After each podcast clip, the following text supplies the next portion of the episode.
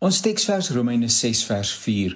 Ons is dus saam met hom begrawe deur die doop in die dood, sodat net soos Christus uit die dode opgewek is deur die heerlikheid van die Vader, ons ook so in 'n nuwe lewe kan wandel. Ons dink hierdie week ietwat na oor herlewing. Soos reeds aangedui, herlewing het met die nuwe lewe wat kom te maak wanneer ons besef dat ons toewyding aan die Here nie meer is wat dit moet wees nie.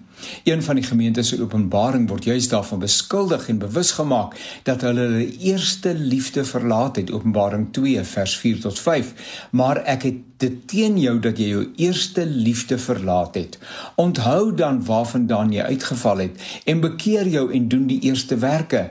Anders kom ek gou na jou toe en sal jou kandelaar van sy plek verwyder as jy jou nie bekeer nie Ander gemeente word verwyd dat hulle nog koud nog warm is, maar lou, Openbaring 3 vers 15, ek ken jou werke dat jy nie koud is nie en ook nie warm nie. Was jy tog maar koud of warm?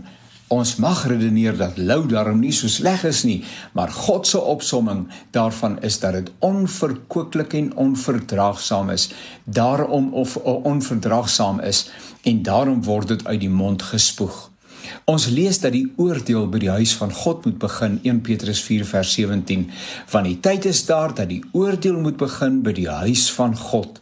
En as dit eers by ons begin wat sal die einde wees van die wat aan die evangelie van God ongehoorsaam is? Maleagi verwy die volk van die Here dat hulle gebreklike offers bring wat nie aan voorskrifte voldoen nie. Ons vind dit in Maleagi 1 vers 13 hoor bietjie dit is wat die Here die almagtige sê.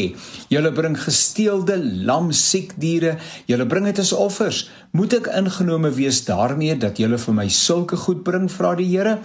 Alhoewel ons nie meer offers bring soos in die Ou Testamentiese tye nie, bly die beginsel dieselfde. Hoe lyk dit wat ons vir die Here bring? Romeine leer ons juis dat ons uh, die lewende God uh, natuurlik met welgevallige offers sal dien.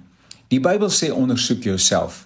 Jesaja nooi ons uit om in bekering na die Here terug te keer.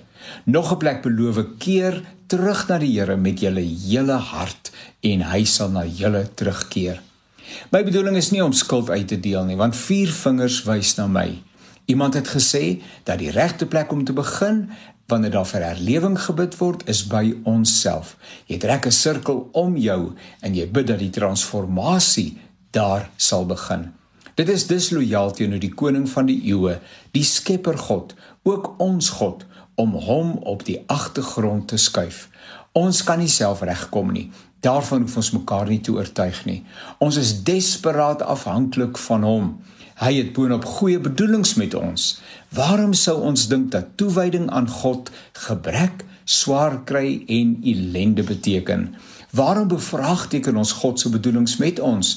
Was hy dan nie getrou in die verlede nie, so sal hy ook getrou wees vandag en tot in alle ewigheid.